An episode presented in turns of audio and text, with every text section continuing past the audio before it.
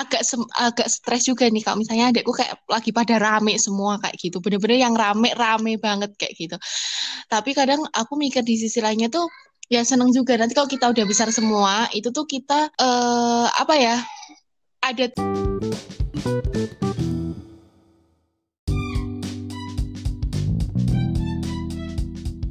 Halo teman-teman, selamat datang di Pori Pori Tika, podcast ceria bersama Tika.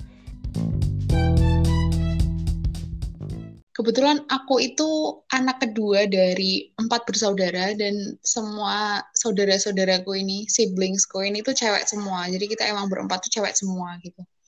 Nah, uh, sesuai dengan judul, gimana sih rasanya jadi anak pertama? Aku sekarang menghadirkan uh, seorang anak pertama dan narasumbernya ini nggak jauh-jauh dari aku, yaitu uh, kakakku sendiri.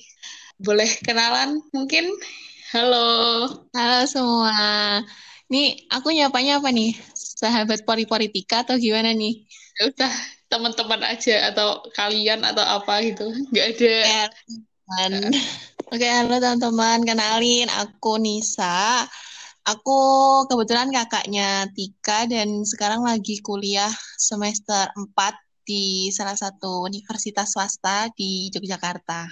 Oke, okay. iya jadi kebetulan kita tuh emang lagi nggak serumah ya. Aku di Jogja, terus dia di Ambarawa. Uh, terus, oh ya, aku tuh kalau manggil dia sebenarnya itu Nisol.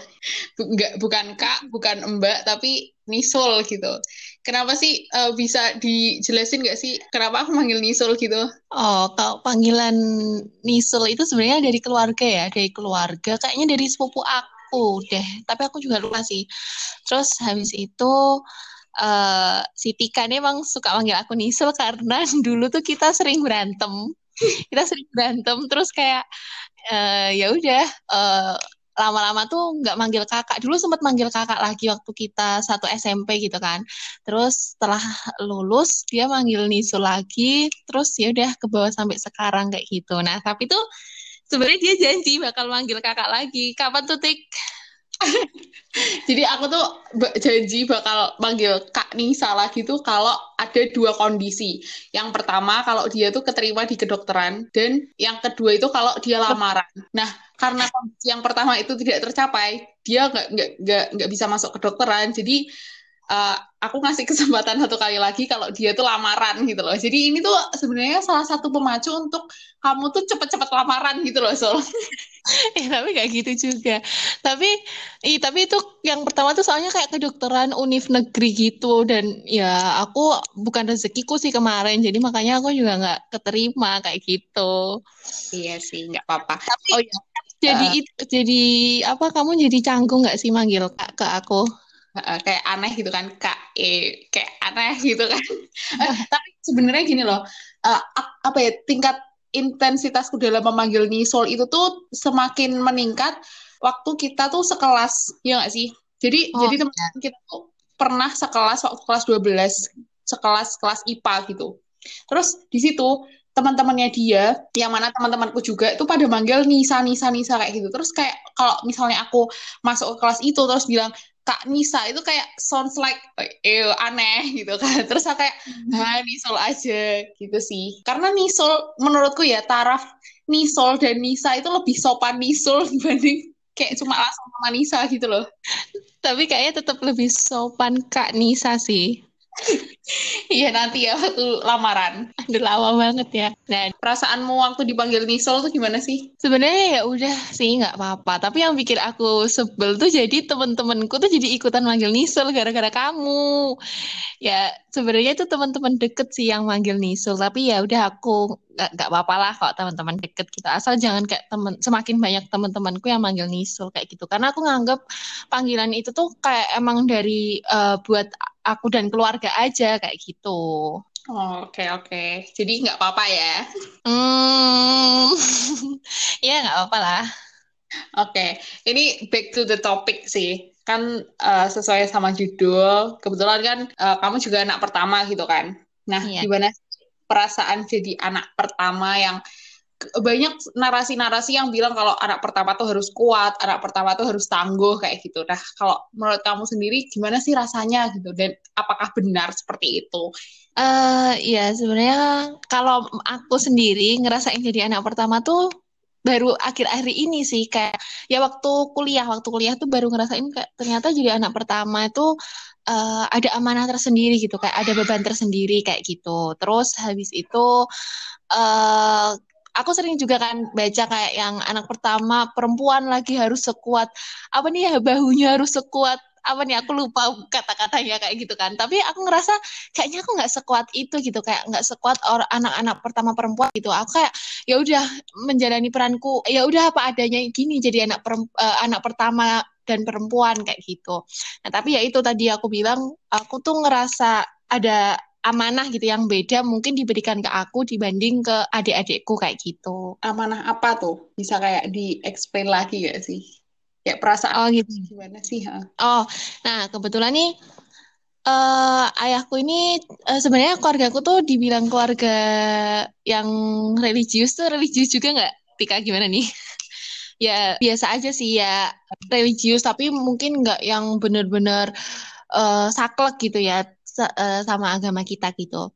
Nah, di situ kalau ayahku pribadi tuh uh, pengen banget uh, cita-cita anak-anaknya tuh bisa ngafal Al-Qur'an kayak gitu. Nah, pernah suatu saat itu ayah kayak bilang uh, adiknya adik-adiknya diajarin ini ya diajarin ngaji sampai uh, apa harus selesai eh selesai hafalannya hafalan Al-Qur'annya kayak gitu. Nah, menurutku itu tuh uh, amanah sih kayak uh, gimana caranya aku harus bisa ngajarin ngaji adik-adikku. Maksudnya aku bisa ngaji nih, tapi nggak berhenti di aku aja kayak gitu. Harus bisa ke adik-adikku juga kayak gitu. Terus uh, menurut aku, iya ya kayak gitu aja sih. Oh, Oke, okay.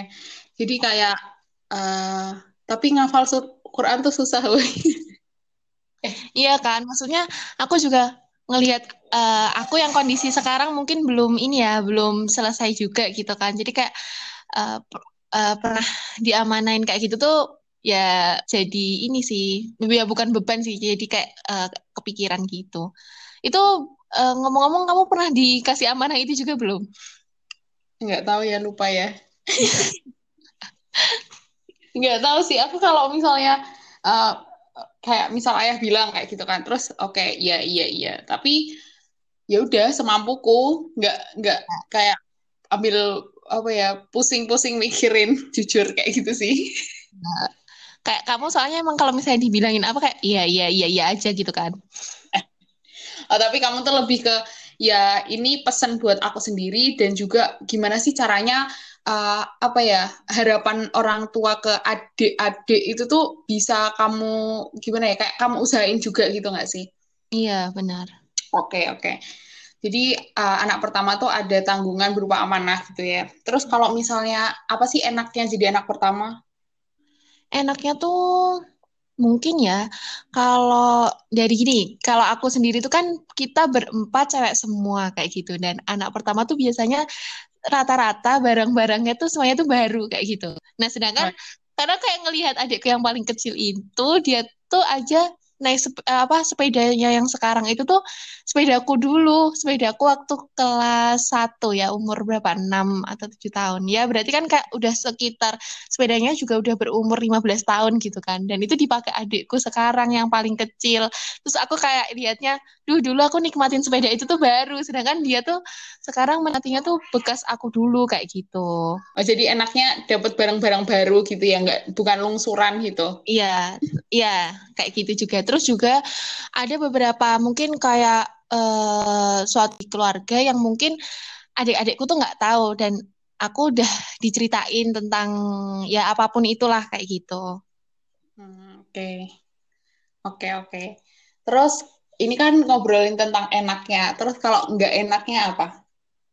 Nggak enaknya adalah hmm, aku kayak harus uh, gimana ya ketika aku kayak berbuat suatu hal yang negatif atau suatu contoh yang kurang baik mungkin ya dicontoh itu tuh jadi kayak dan ketika adikku nyontoh perilaku itu tuh jadi kayak gimana ya jadi suatu kesalahan. Maksudnya sebagai anak pertama kan harusnya jadi panutan ya. Jadi kayak harus bersikap baik terus gitu di depan uh, adik-adiknya padahal kan kadang aku juga suka hilaf kayak gitu.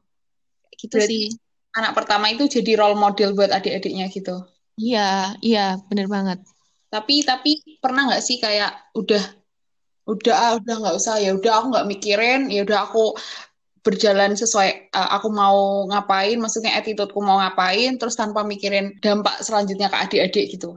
Pernah nggak sih? Sempet sempet kayak yang ya udahlah uh, ini kayak bodoh amat aja kayak gitu. Tapi aku tuh uh, setelah mikir kayak gitu tuh pernah diingetin juga gitu kan sama temanku waktu itu. Kayak katanya kakak yang baik, kakak yang benar itu harusnya tuh bisa memberi contoh ke adik-adiknya dan kalau bisa itu adik-adiknya tuh nurut sama apa yang dikatakan kayak jadi ya itu kayak role model jadi nurut sama kakaknya kayak gitu misalnya kakaknya bilang kayak gini ya dan kayak gini harusnya tuh adik-adiknya tuh bisa nurut kayak gitu loh. Oke. Okay. Terus kamu merasa uh, apakah kamu sudah berhasil berperan sebagai anak pertama ini gitu? berhasil gak ya? Ya mungkin kalau menjadi kakak yang benar-benar uh, terbaik gitu masih belum ya masih banyak benar-benar masih kayak aku masih harus banyak ada hal-hal yang aku harus perbaikin kayak gitu. Kayak gitu sih nggak nggak berhasil sepenuhnya kayak gitu. Oh, tapi emang ada apa ya ada ukuran keberhasilan menurut kamu menurutku kalau menurutku keberhasilannya itu ketika adik-adik tuh nurut sama misalnya aku bilang jangan kayak gini atau kayak gini. Nah itu menurutku ukuran keberhasilanku. Dan sampai sekarang tuh masalahnya adalah nggak ada yang nurut sama aku. Sampai kamu pun juga nggak nurut. Oke deh oke deh. Uh, semangat ya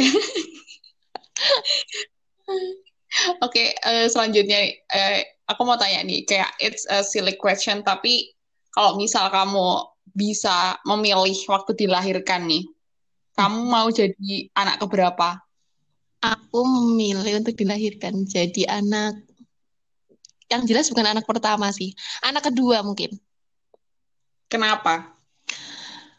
Eh uh, kenapa nggak nggak milih anak terakhir gitu ya? Karena aku tuh ngerasa kalau anak terakhir tuh walaupun ini mungkin nggak nggak terjadi di semua keluarga gitu ya tapi aku ngerasa kalau anak terakhir tuh kayak walaupun nanti dia udah besar dia tuh masih kayak dianggap yang paling kecil dia dianggap yang uh, harus dimanja kayak gitulah. Aku pengen jadi anak kedua karena aku pengen punya kakak cowok dan ya yeah, setelah kakak cowok itu aku kayak gitu jadi makanya aku pengen jadi anak kedua. Iya, kenapa? Iya, kalau misalnya kakak itu nggak cowok gimana?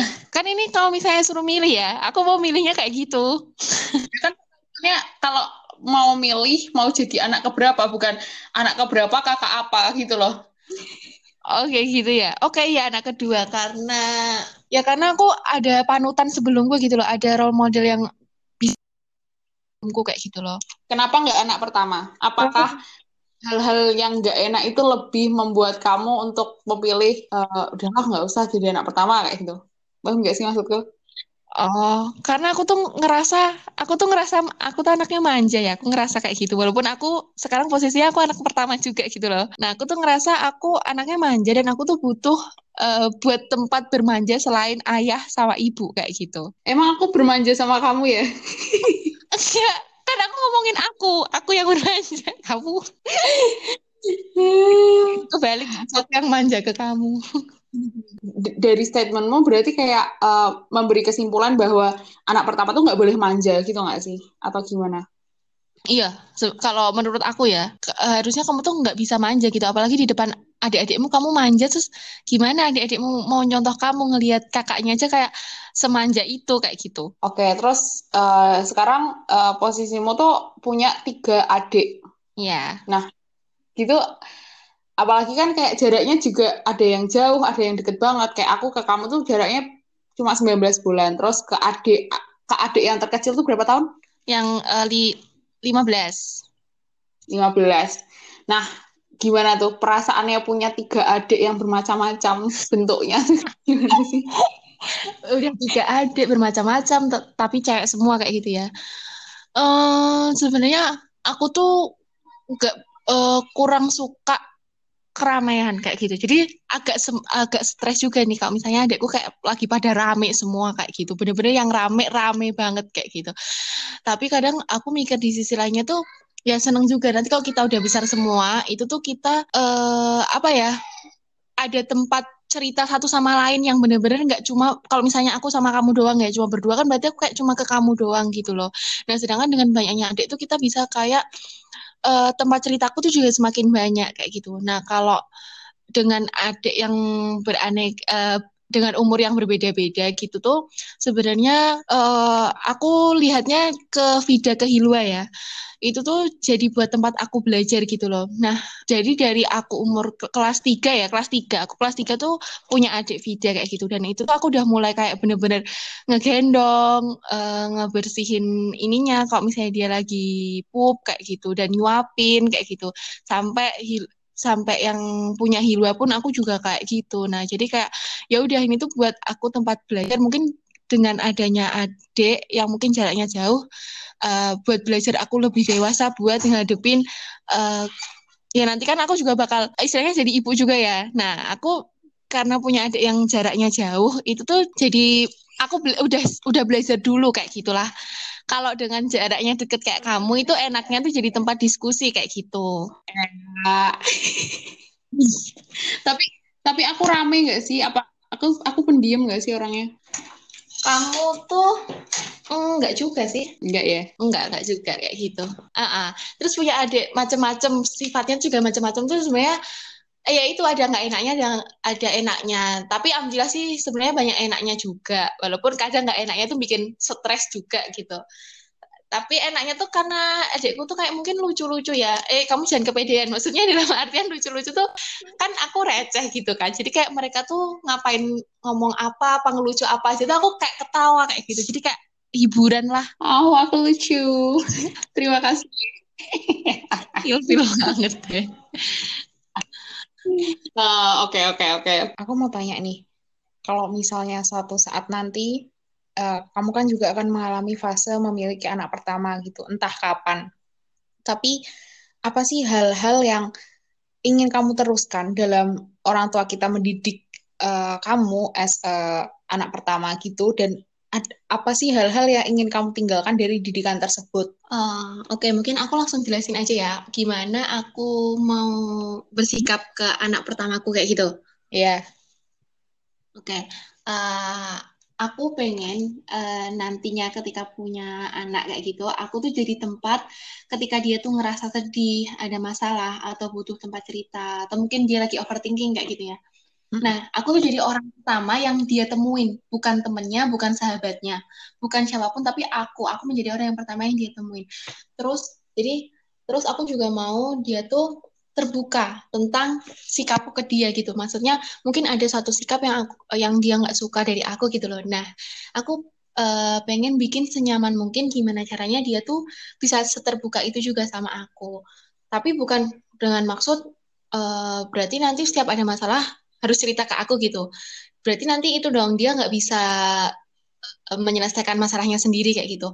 Nggak gitu juga nggak sepenuhnya aku bantu semua masalahnya kayak gitu loh. Tapi aku menjadi tempat uh, yang dia datengin ketika dia ada masalah kayak gitu Nah, untuk nanti penyelesaian masalahnya bisa jadi aku langsung bantu, bisa jadi juga aku cuma bantu untuk tetap dia yang berpikir gimana menyelesaikannya kayak gitu. Jadi kayak nggak bantu sepenuhnya, tapi yaitu aku pengen jadi tempat pertama yang dia datengin kayak gitu. Oh, oke. Okay. Jadi lebih terbuka dan menjadi opsi pertama gimana caranya kita uh, bisa jadi opsi pertama ketika anak pertama ini membutuhkan gitu ya.